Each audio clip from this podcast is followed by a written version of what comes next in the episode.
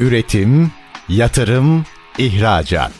Üreten Türkiye'nin radyosu Endüstri Radyo sizin bulunduğunuz her yerde. Endüstri Radyo'yu arabada, bilgisayarda ve cep telefonunuzdan her yerde dinleyebilirsiniz. Endüstri Radyo.com Çiğdem Aydoğdu'nun hazırlayıp sunduğu Turizm Gündemi programı başlıyor.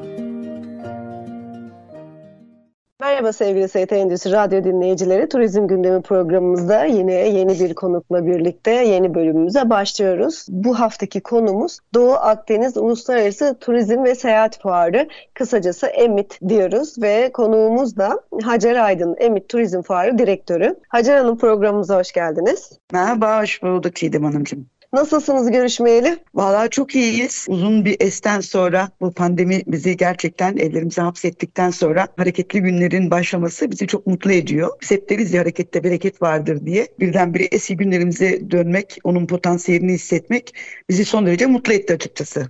Kesinlikle size bu konuda katılıyorum. Evet, geçen yılda hatta EMIT pandemiden sonra e, yüz yüze gerçekleştiren ilk defa olmuştu. Ben de katılmıştım. Ama bu sene nasıl olacak? Şöyle EMIT'in yapıldığı 2022 senesi pandemiden hemen sonra yapılan ilk turizm fuarlarından bir tanesiydi dünyada. Ve biz bu turizm fuarı EMIT'i yaparken dünyanın en büyük turizm fuarı olan ITV Berlin 3 sene arka arkaya yapılamadı. Biz her şeye rağmen 2022'de e, bu fuarımızı gerçekleştirdik ve gerek ziyaretçi sayısı açısından gerekse katılımcı açısından, katılımcı memnuniyeti açısından son derece güzel bir fuar geçirdik. Evet dediğiniz doğru. 2020-2019 senesi kadar büyük bir fuar olmadık. Ancak hiç kimse olamadı. Yani hiç kimse 2019-2020'lerdeki büyük dünya dünyadaki hiçbir turizm fuarında ulaşılamadı. Ona rağmen biz devam edeceğiz ve sektörün yaşaması için, nefes alabilmesi için biz emiti yapmalıyız üzerinden yola çıktık. İyi ki de yapmışız. İyi ki de erteleme kararı almamışız. Bence son derece başarılı bir fuar oldu ve sektöre bir enerji geldi, motivasyon geldi, e, ciddi bir hareketlilik geldi. Dolayısıyla bu sene yani geçen sene biz 500 tane katılımcıyı toparlayabildik ve onlar son derece memnunlardı. Bu sene bu rakamın yaklaşık 600'e çıkmasını bekliyoruz ki biz 3 salonla yola çıktık. Bu sene 3 salonla devam ederiz diye yola çıktık. Sonra 4 salona ulaştık. Şimdi birkaç gün önce 5. salonumuzu da açtık. Yani talep gerçekten ciddi bir patlama yaşıyor. Biz de bundan son derece mutluyuz. Evet, geçen yıl hareketliydi tabii ki ama en dikkat çeken de 7. holdü. Orada bayağı bir zaman geçirmiştik. O e, B2B yüz yüze görüşmeleri olsun birçok etkinlikler çok önemliydi o bölümde. Bu yılda merakla bekliyorum. Bu yılın da birçok teması var. Sağlık turizmi gibi teknolojinin de yeni versiyonlarının sergilendiği ve turizmin geldiği nokta. Bütün programımızın 3 bölümünde de detaylı şekilde bunları konuşacağız. Ama kısaca biraz Emit'in açılımı ve genel olarak süreçten bahsedelim ve bu e, Türkiye'deki Emit Fuarı'nın geleneksel hale gelme süreci diyelim buna. Bu konuda bilgi alalım. Tamam şöyle Emit 1997 yılında doğdu Voyager adıyla. Daha sonra o zaman lokal bir fuardı. Sonrasında 98 yılında uluslararası bir katılımın da olabileceği ve Türkiye'nin böyle bir turizm fuarına ev sahipliği yapabileceğinin ışıklarını gördük. Dolayısıyla Uluslararası Turizm Fuarı olarak 99'dan itibaren EMIT adıyla devam etti. Biz bu sene 26'sını gerçekleştireceğiz inşallah. Amacımız şu, gerek bölge turizmini, gerekse uluslararası turizmi, gerek Türkiye'deki turizm hareketliliğini olabildiğince arttırabilmek, Türkiye'nin turizm gelirlerini arttırabilmek. Tüketici açısından bakıldığında da Türkiye'deki çalışanlarımızın, Türkiye'de yaşayan herkesin, tatil herkesin hakkıdır üzerinden yola çıkarak gerçekten düzgün bir tatil alışkanlığına kavuşmasını sağlamaktı. Yani daha önce biliyorsunuz bundan işte 30 sene önce, 25 sene önce tatil dendiğinde insanın aklına işte konu komşunun e, yazdığına gitmek, pansiyon bulup orada çat kapı girip e, konaklamak e, ya da işte yazlıklara gitmek gibi şeyler anlaşılırdı. Ancak geçen süreçte Emit'le birlikte insanlar, tüketiciler nasıl tatil yapılması gerektiğini, vizyonlarının nasıl genişleyebileceğini gördüler. Daha önce kültür turizmi diye bir şey yoktu biliyorsunuz. Yani herkes işte yazın köyüne gider ziyaret amacıyla. Ancak da bulunduğu ilin dışına bile çıkmayan bir alışkanlık vardı. Fakat e, biz bunu Emit'le e, büyük ölçüde törpüledik ve geliştirdik. Yani insanların vizyonu Daha önceki yıllarda mesela Sultanahmet'e çıktığınızda orada şeyi görürdünüz. Yaşlı yaşlı insanlar, orta yaşın üstünde insanlar yurt dışından gelmişler. işte Sultanahmet'i ziyaret ediyorlar, Türkiye'yi ziyaret ediyorlar. Bizim anne babalarımız da evlerinde oturur. Yazın belki köylerine gitmenin hayalini kurarlardı. Ancak öyle değil artık. Bu alışkanlık tamamen değişti. Artık emekli olan, olmayan, ev hanımları, herkes yani gençler tatile gitmenin ne kadar önemli olduğunu, ne kadar büyük bir ihtiyaç olduğunu hissettiler ve kendi ülkelerini gezmeye, kültür turizmi yapmaya başladılar ki bu son derece önemli. Son derece güzel bir alışkanlık olarak Emit'in tatil tüketicisine kazandırdığı sistematiğe dönüştü. Ben bunu çok önemsiyorum. Artı sadece kendi ülkesinin değil fakat aynı zamanda yurt dışına da çıkmanın o kadar da uzak olmadığını, hayal olmadığını, yani uçağı bilmeyi bile bilmeyen insanlar vardı bundan 20 sene önce. E, uçağı ancak e, televizyonda orada burada görürlerdi, havada görürlerdi. Ancak şimdi uçakla seyahat, kültür turlarına gitmek, yurt dışına uçakla gitmek ve orada işte tatil yapmak artık bir ihtiyaç haline geldik. Bunu çok önemsiyorum ben. Tatilin bir ihtiyaç haline gelmesi, kesinlikle Emit'in gelmesinde kesinlikle Emit'in çok çok önemli katkısı olduğunu inanıyorum. Bizim amaçlarımızdan bir tanesi de buydu zaten. Bir diğer amacımız da sadece Türkiye deniz, kum, güneşten ibaret bir ülke değil biliyorsunuz. Biz dört mevsim turizm yapabileceğimiz bir kapasitemiz var, e, potansiyelimiz var. Çok güçlü potansiyelimiz var. Buna sağlık turizmini katın, gastronomiyi katın. İllerimizin işte 81 tane ilimizin tamamında görülecek, gezilecek, kültürel zenginliklerin keşfedileceği, yeni testlerin tadılabileceği e, potansiyeller var.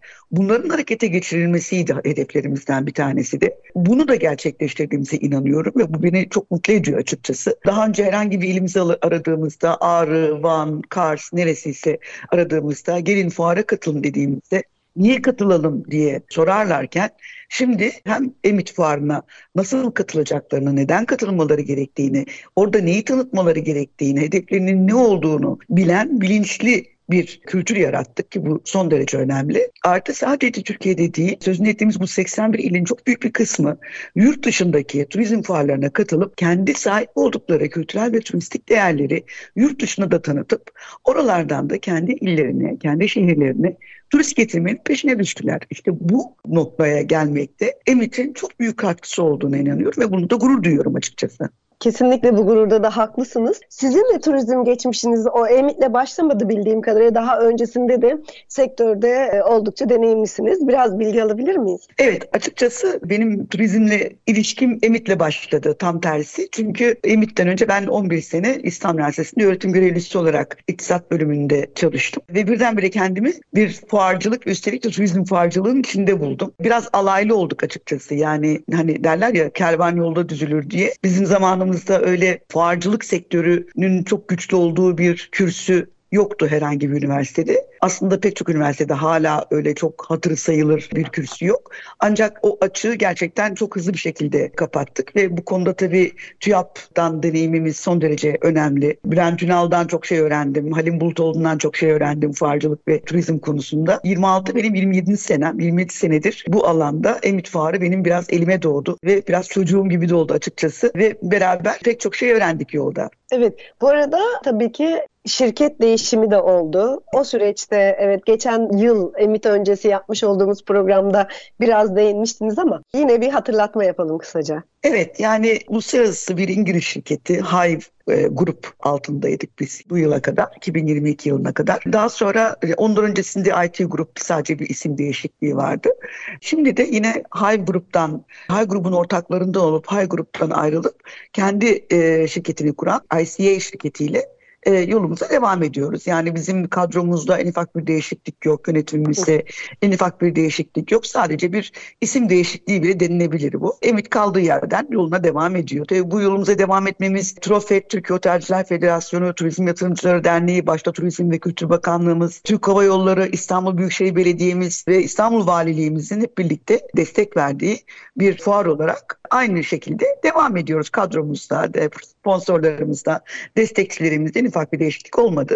Dolayısıyla biz aldığımız ivmeyle yolumuza büyüyerek, yükselerek aynen devam ediyoruz. Yani bize olumsuz bir yana olmadığı gibi tam tersi güzel de bir ivme kattı diye düşünüyoruz. Evet bazen değişiklikler heyecan getiriyor, yenilik getiriyor. Kesinlikle. O da o yüzden önemli. Tabii ki burada ekip, deneyimli ekip, kadro aynı olduğu için üst şirketlerin değişimi sizin de dediğiniz gibi çok da olumsuz e, değil. Aynen, tamamen aynen. de e, enerji yenilenmesi olabiliyor. Kesinlikle tamamen bir enerji yenilenmesi.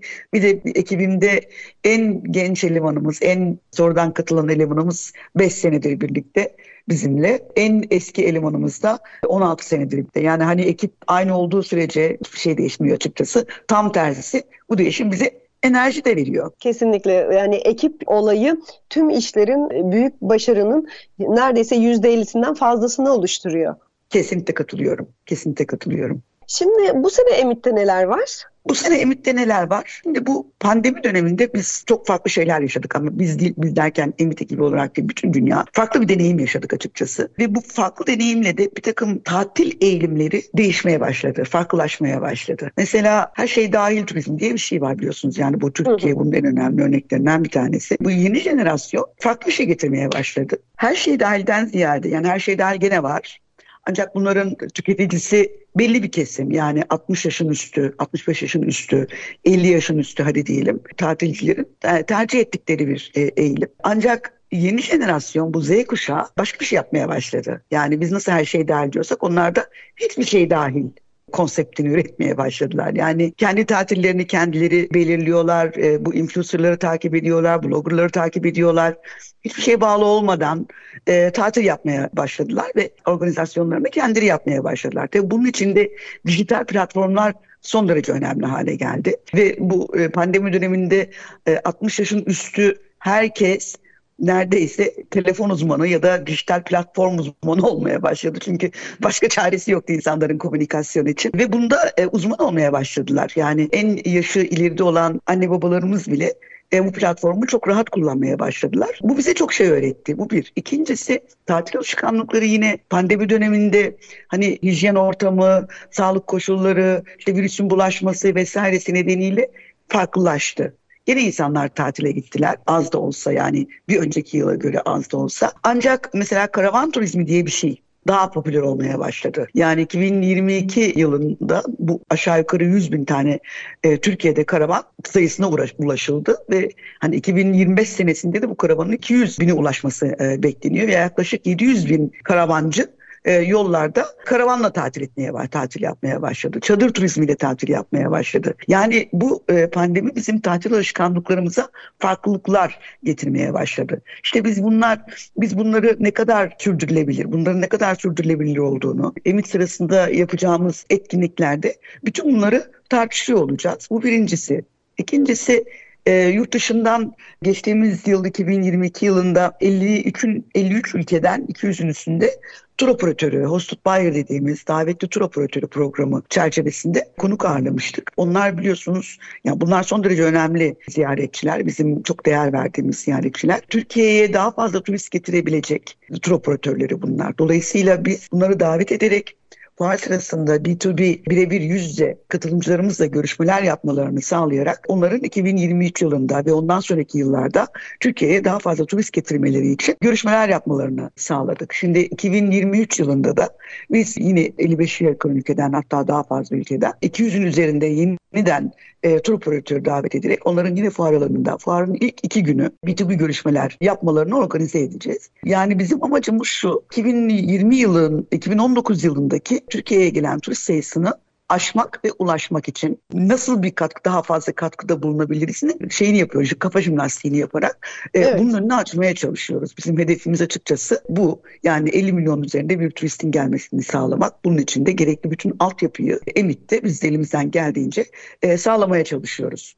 E, evet. Bir, bir sürü etkinliklerimiz var, görsel etkinliklerimiz var. Farklı ülkeler var Emit'e katılacak olan. Yani daha önce hiç gelmemiş ya da gelmiş, ara vermiş pandemi nedeniyle katılmamış ülkelerden farklı farklı ülkeler var. Mesela Arjantin, Venezuela gibi ya da sürpriz olabilecek şu anda sözünü etmek istemediğim başka bir takım ülkeler de olabilecek. Henüz konfirme etmedikleri için. Dolayısıyla evet. gerek yurt dışı katılımı, gerekse yurt içi katılım açısından, gerekse ziyaret sayısı açısından rekor kırabileceğimiz bir seneyi hedefliyoruz 2023'te. Evet, şimdi kısa bir reklam arası verelim. İkinci bölümümüzde yine diğer sorularımızla devam edelim. Üretim, yatırım, ihracat. Üreten Türkiye'nin radyosu Endüstri Radyo sizin bulunduğunuz her yerde. Endüstri Radyo'yu arabada, bilgisayarda ve cep telefonunuzdan her yerde dinleyebilirsiniz. Endüstri Radyo.com Evet sevgili ST Endüstri Radyo dinleyicileri Turizm Gündemi programımız devam ediyor. Konuğumuz Hacer Aydın, Emit Turizm Fuar Direktörü. Evet bu yıl 26.sını gerçekleştiriyor. Hacer Hanım hangi tarihler arasındaydı? 8-11 Şubat tarihlerinde e, TÜYAP Beylikdüzü'nde e, 26.sında açıyor olacağız Emit Fuarı'nı. İlk iki günü yani 8-9 çarşamba ve perşembe günleri B2B turizm profesyonellerinin bir araya geldiği bir günler olacak. Sonraki iki gün ise halka da açılacak ve tatilciler, tatil tüketicilerinin de gelip e, keyifli anlar yaşayacağı günler gelecek. Biz gerçekten çok özledik. Biz de çok, çok özledik Emit'in o canlı, şaşalı, heyecanlı, keyifli günlerini, saatlerini. Biz de geri sayım başladı açıkçası. Heyecandan ölmek üzereyiz öyle diyeyim. Yani TÜYAP'ta yüzlerce fuar düzenlenir. Ama ne zaman ki emit tarihleri gelir, yap çalışanları, bütün ekip emit geliyor, emit geliyor, emit geliyor diye birbirlerine bu şekilde konuşuyorlarmış. Bu bizi de çok mutlu ediyor. Çünkü emit gerçekten çok keyifli. Kimi fuarlar böyle hani çok fazla sanayi fuarları olduğu için ya da endüstriyel fuarları olduğu için onlar biraz daha sakin geçer. Yani öyle halk diye keyifli, eğlenceli gitmesi gereken fuarlar değildir.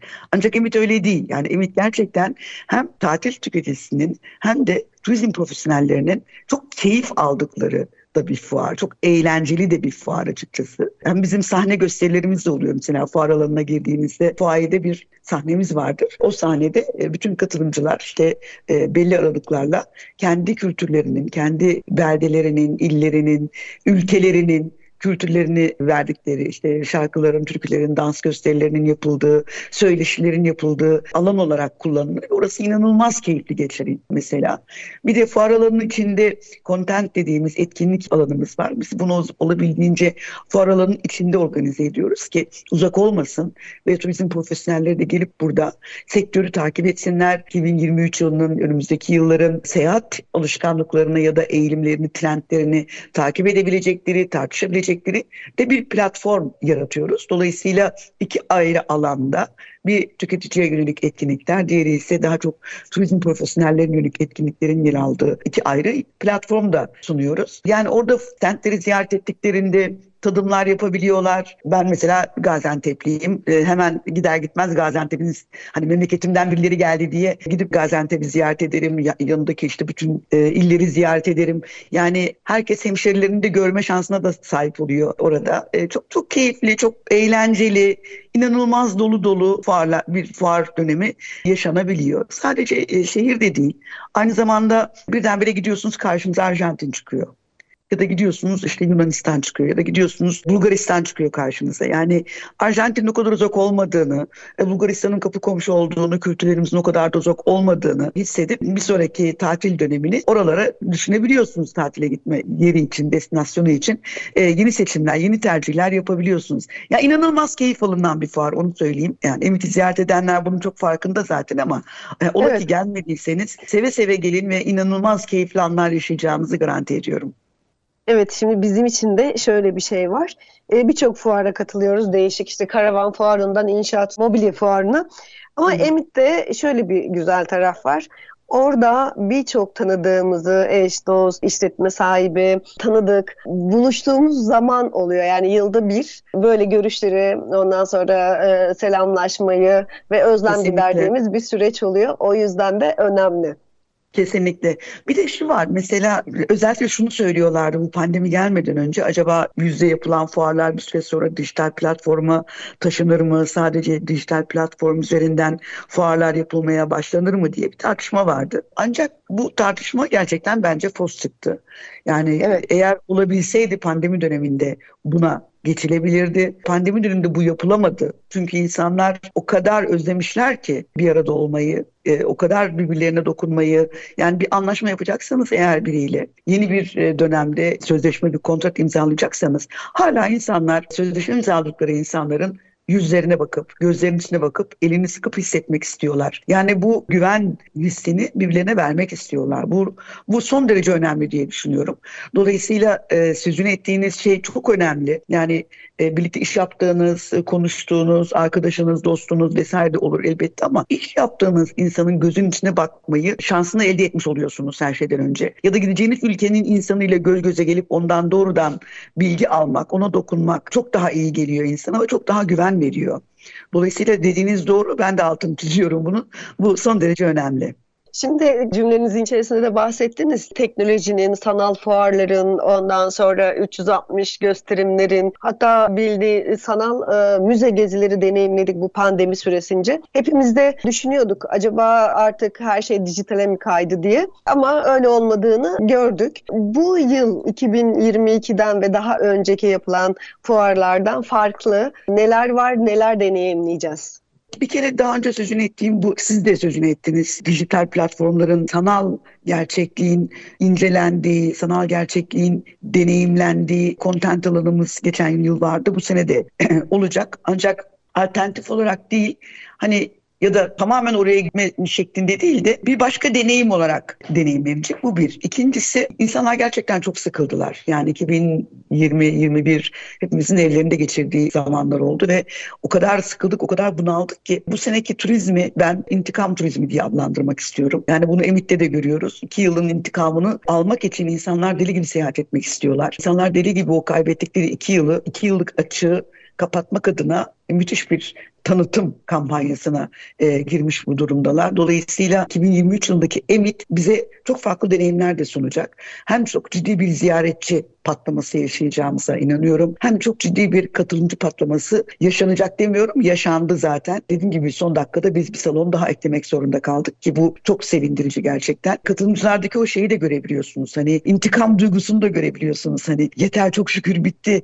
Döndük artık e, normale döndük duygusunu yaşıyor insanlar. Dolayısıyla bütün bunlar çok farklı bir yenilik yaşayacağımızın sinyallerini de veriyor bana bize. Karavan turizmi gibi, çadır turizmi gibi bir takım etkinliklerin daha fazla e, tanıtıldığı bir emit görüyor olacağız.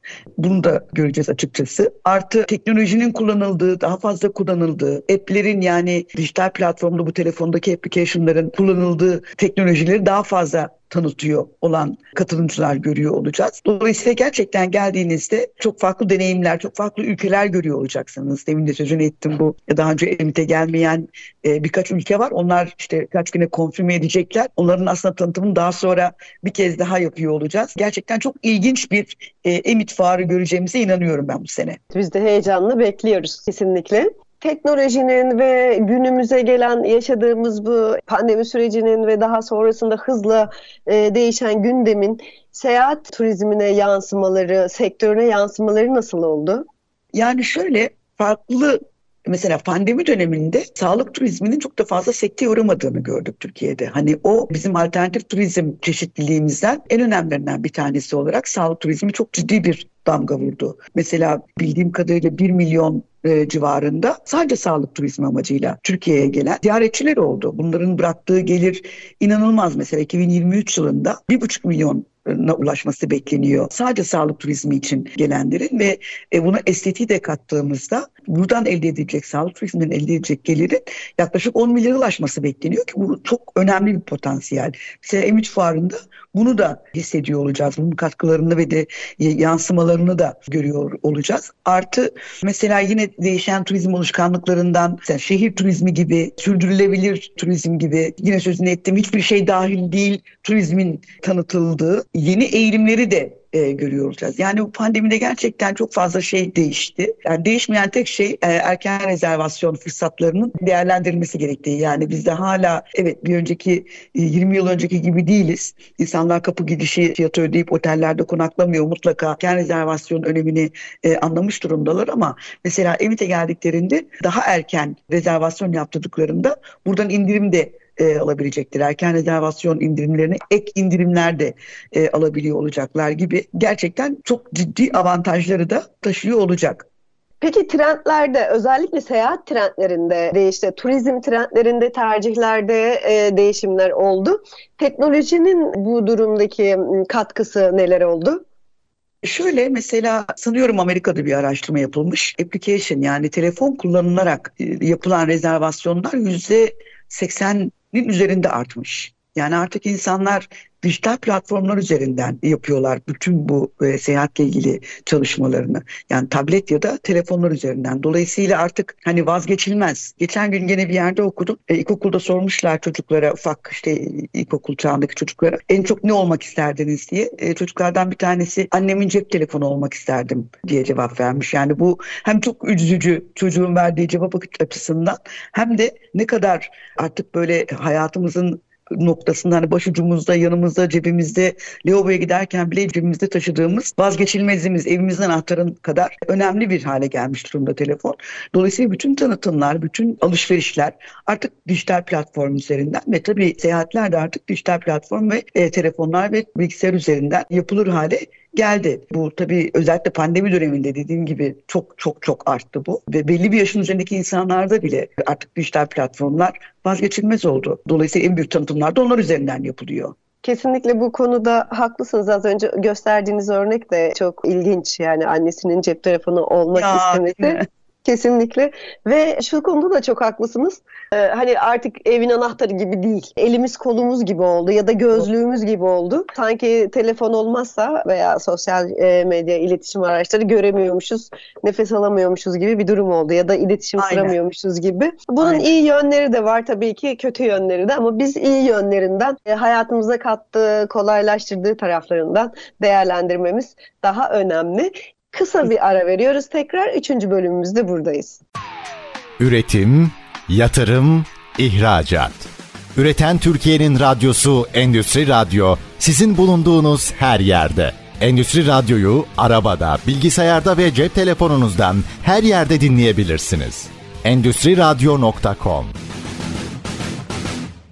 Evet sevgili ST Endüstri Radyo dinleyicileri, Turizm Gündemi programımızda 3. bölümümüzde konuğumuz Hacer Aydın ile Emit Turizm Fuarı'nı konuşmaya devam ediyoruz. Evet 8 Şubat'la 15 Şubat arasında açılacak ve kapanacak ama bu arada hazırlıkları tam bir yıl sürüyor. Güzel bir ekip, meşakkatli bir çalışma, tabii heyecanlı bir bekleyiş süreci. Güzel e, konulara değindi Hacer Hanım ilk iki bölümümüzde. Ben küçük bir not almıştım. Arada o bir kaynamadan ben hemen 3 bölümümüzün başında sorayım. Turizmi biraz daha yaşayamadığımız o ki birkaç yılın intikamı gibi değerlendirdi ve çok güzel bir betimleme diyelim bunu. Türk ve yerli turiste dolar döviz kurunun durumu nasıl mağdur ediyor mu? Bize mağdur ediyormuş gibi görünüyor buradan ama işin içinde olan profesyonel bir yönetici olarak siz nasıl görüyorsunuz? E yani hani görünen köy kılavuz istemez. Hani şu an yaşadığımız enflasyon, kurların bu kadar yükselmesi elbette tatil tüketicisini e, önemli bir şekilde etkiliyor. Şimdi bunu hani saklanacak, gizlenecek bir yanı yok açıkçası. E gerçekten her şey çok pahalı oldu. Özellikle Türkler için ama ne oluyor? Türkiye yurt dışından gelen turistler için çok daha uygun oluyor. Yani çok çok komik rakamlara kendi bütçelerini hiç zorlamadan birkaç günlüğüne bile olsa Türkiye'ye geldiklerinde kendi ülkelerinde harcayacaklarının dörtte birine e, Türkiye'de 5 yıldız otelde mis gibi tatil yapıp gidebiliyorlar. Ama yerli tüketici için durum biraz daha sıkıntılı elbette. Ancak yani belli bir gelir seviyesinin üstünde olan tatil tüketicileri için Tabii onlar için de pahalı oluyor ama hani yurt dışına çıkmalarına bir engel olmuyor. Ama oradaki harcamalarını belki biraz kısabiliyorlardır. Ee, orada bir sıkıntı olmuyor.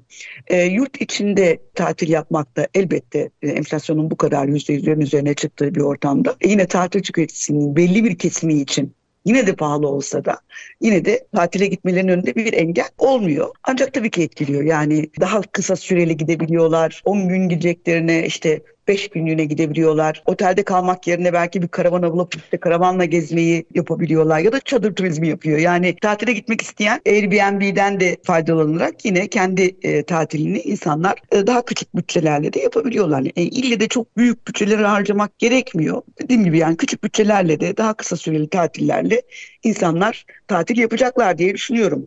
Evet o ihtiyacın giderilmesi gerekiyor. Sağlıklı, evet. ruh Yani bir yıl çalışıyoruz, bir yıl çalışıp ondan sonra tatile gidememek gerçekten çok acı, çok e, üzücü olur. Süresini kısaltıp, maliyetleri kısaltıp e, birkaç gününde de olsa insanlar gerçekten bir yere gidebilmeliler.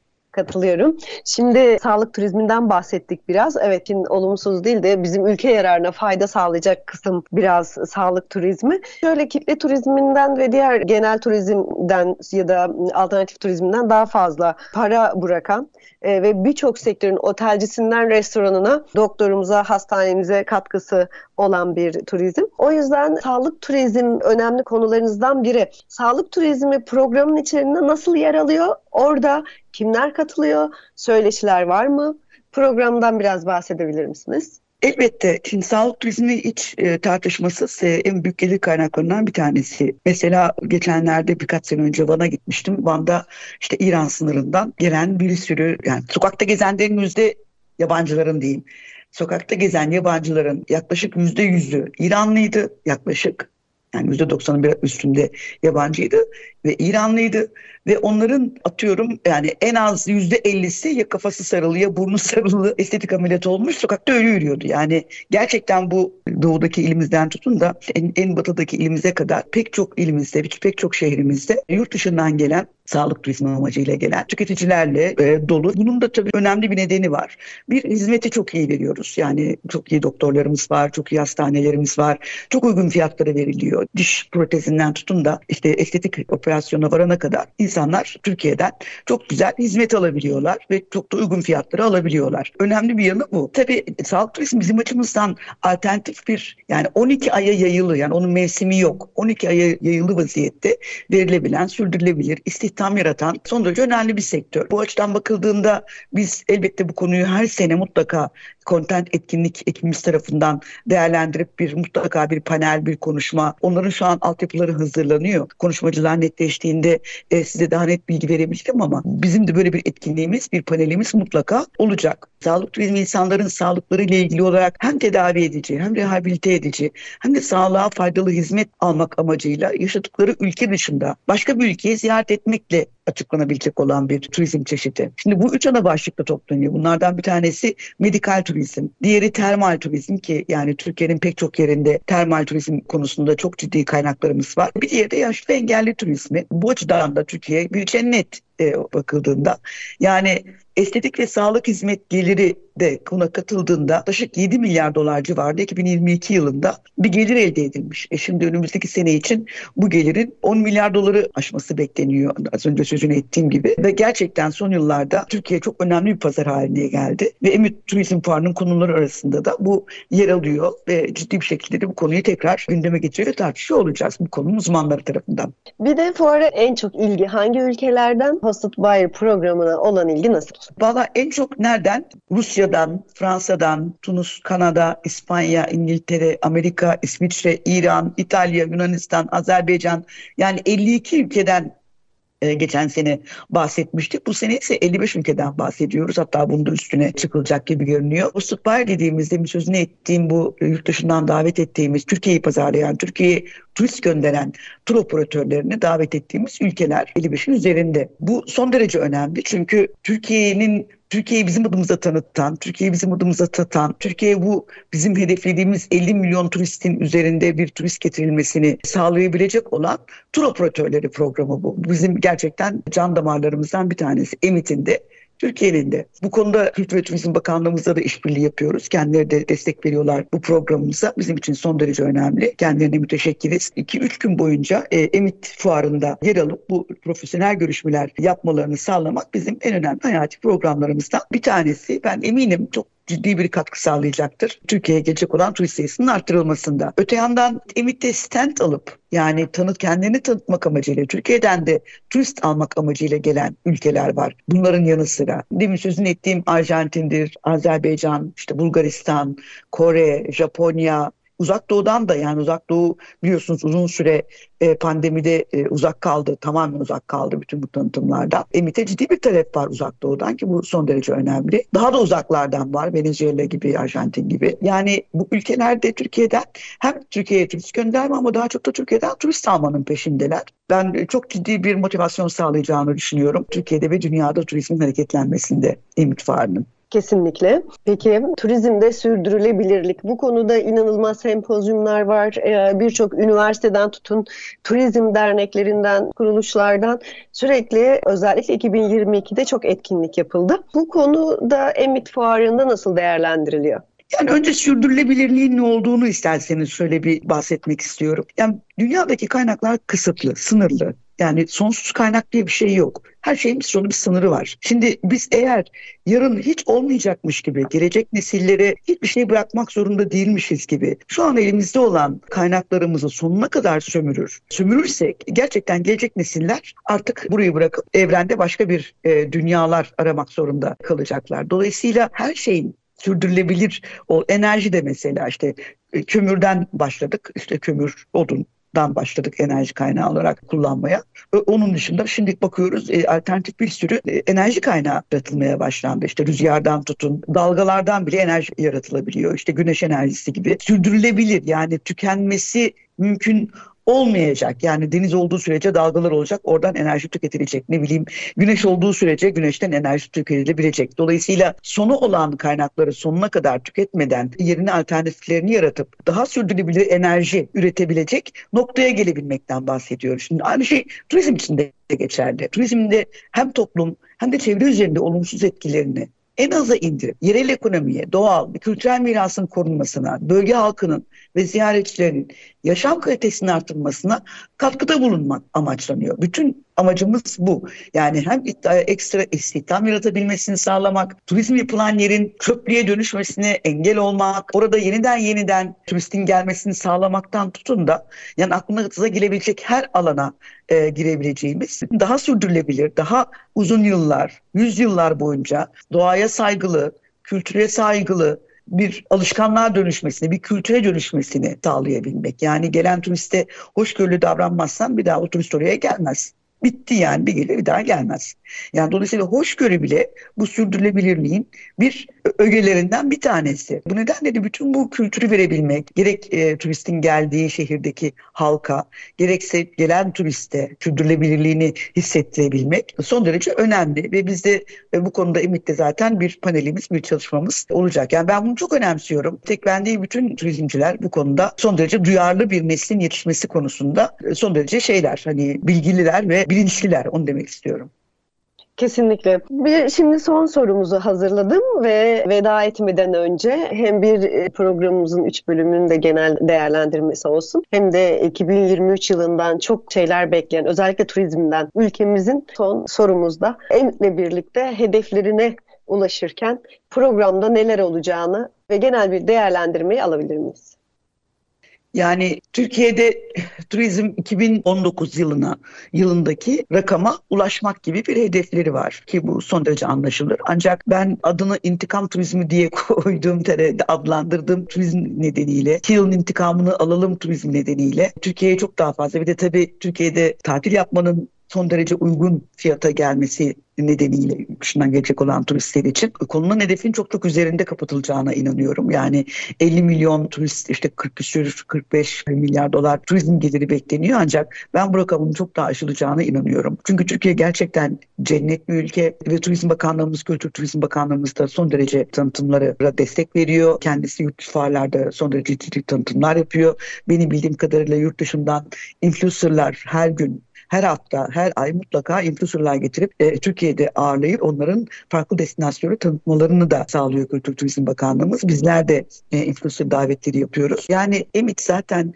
Türkiye'deki turizm gelişmesinde son derece önemli katkısı olan bir yapı e, bir fuar. Özellikle 2023 yılındaki hedeflere ulaşmasında da yine Emit'e gelecek olan ziyaretçiler, katılımcılar, Hosted by programı denilen tur operatörlerinin katılımıyla bu sayının katlanacağını, artık Kültür Turizm Bakanlığımızın da gerek tanıtım faaliyetlerine daha fazla ağırlık vermesi, işte iki intikam turizmi nedeniyle geçmiş yılların intikamını almak için daha fazla tanıtımda bulunması. Aynı şey yurt dışında Türkiye'ye gelen Emit Turizm'de katılan, Emit Turizm Fuarı'na katılan yurt dışı katılımcılarda da bunu görüyoruz. Ülkelerde sayısındaki artışta da bunu görüyoruz. Onlar da intikam alma amacıyla ciddi tanıtımlar yapıyorlar. Dolayısıyla ben sadece Türkiye'deki turist sayısı rakamlarına ve dolar 40-45 milyar dolarlık hedefe ulaşmakla kalmayıp aynı zamanda dünyanın da hedeflemiş olduğu o Türk dünyadaki turizm seyahat eden turist sayısının artacağını, hedeflerinin çok üstünde artacağını düşünüyorum açıkçası. Bunu hak ettiğimize de inanıyorum. Çünkü gerçekten bize çok şey öğretti bu pandemi. Hayatın çok kısa olduğunu ve bu kadar kısa sürede evinden bile çıkmayan, kendi bulunduğu şehrin sınırlarının dışına bile çıkmayan insanlarda bile gidelim, gezelim, görelim duygusunun arttığına inanıyorum. Ee, dolayısıyla daha çok gezeceğimiz, daha çok göreceğimiz, daha çok eğleneceğimiz, daha çok şeyden keyif alabileceğimiz ve anı yaşayabileceğimiz günlerin geldiğine inanıyorum ben.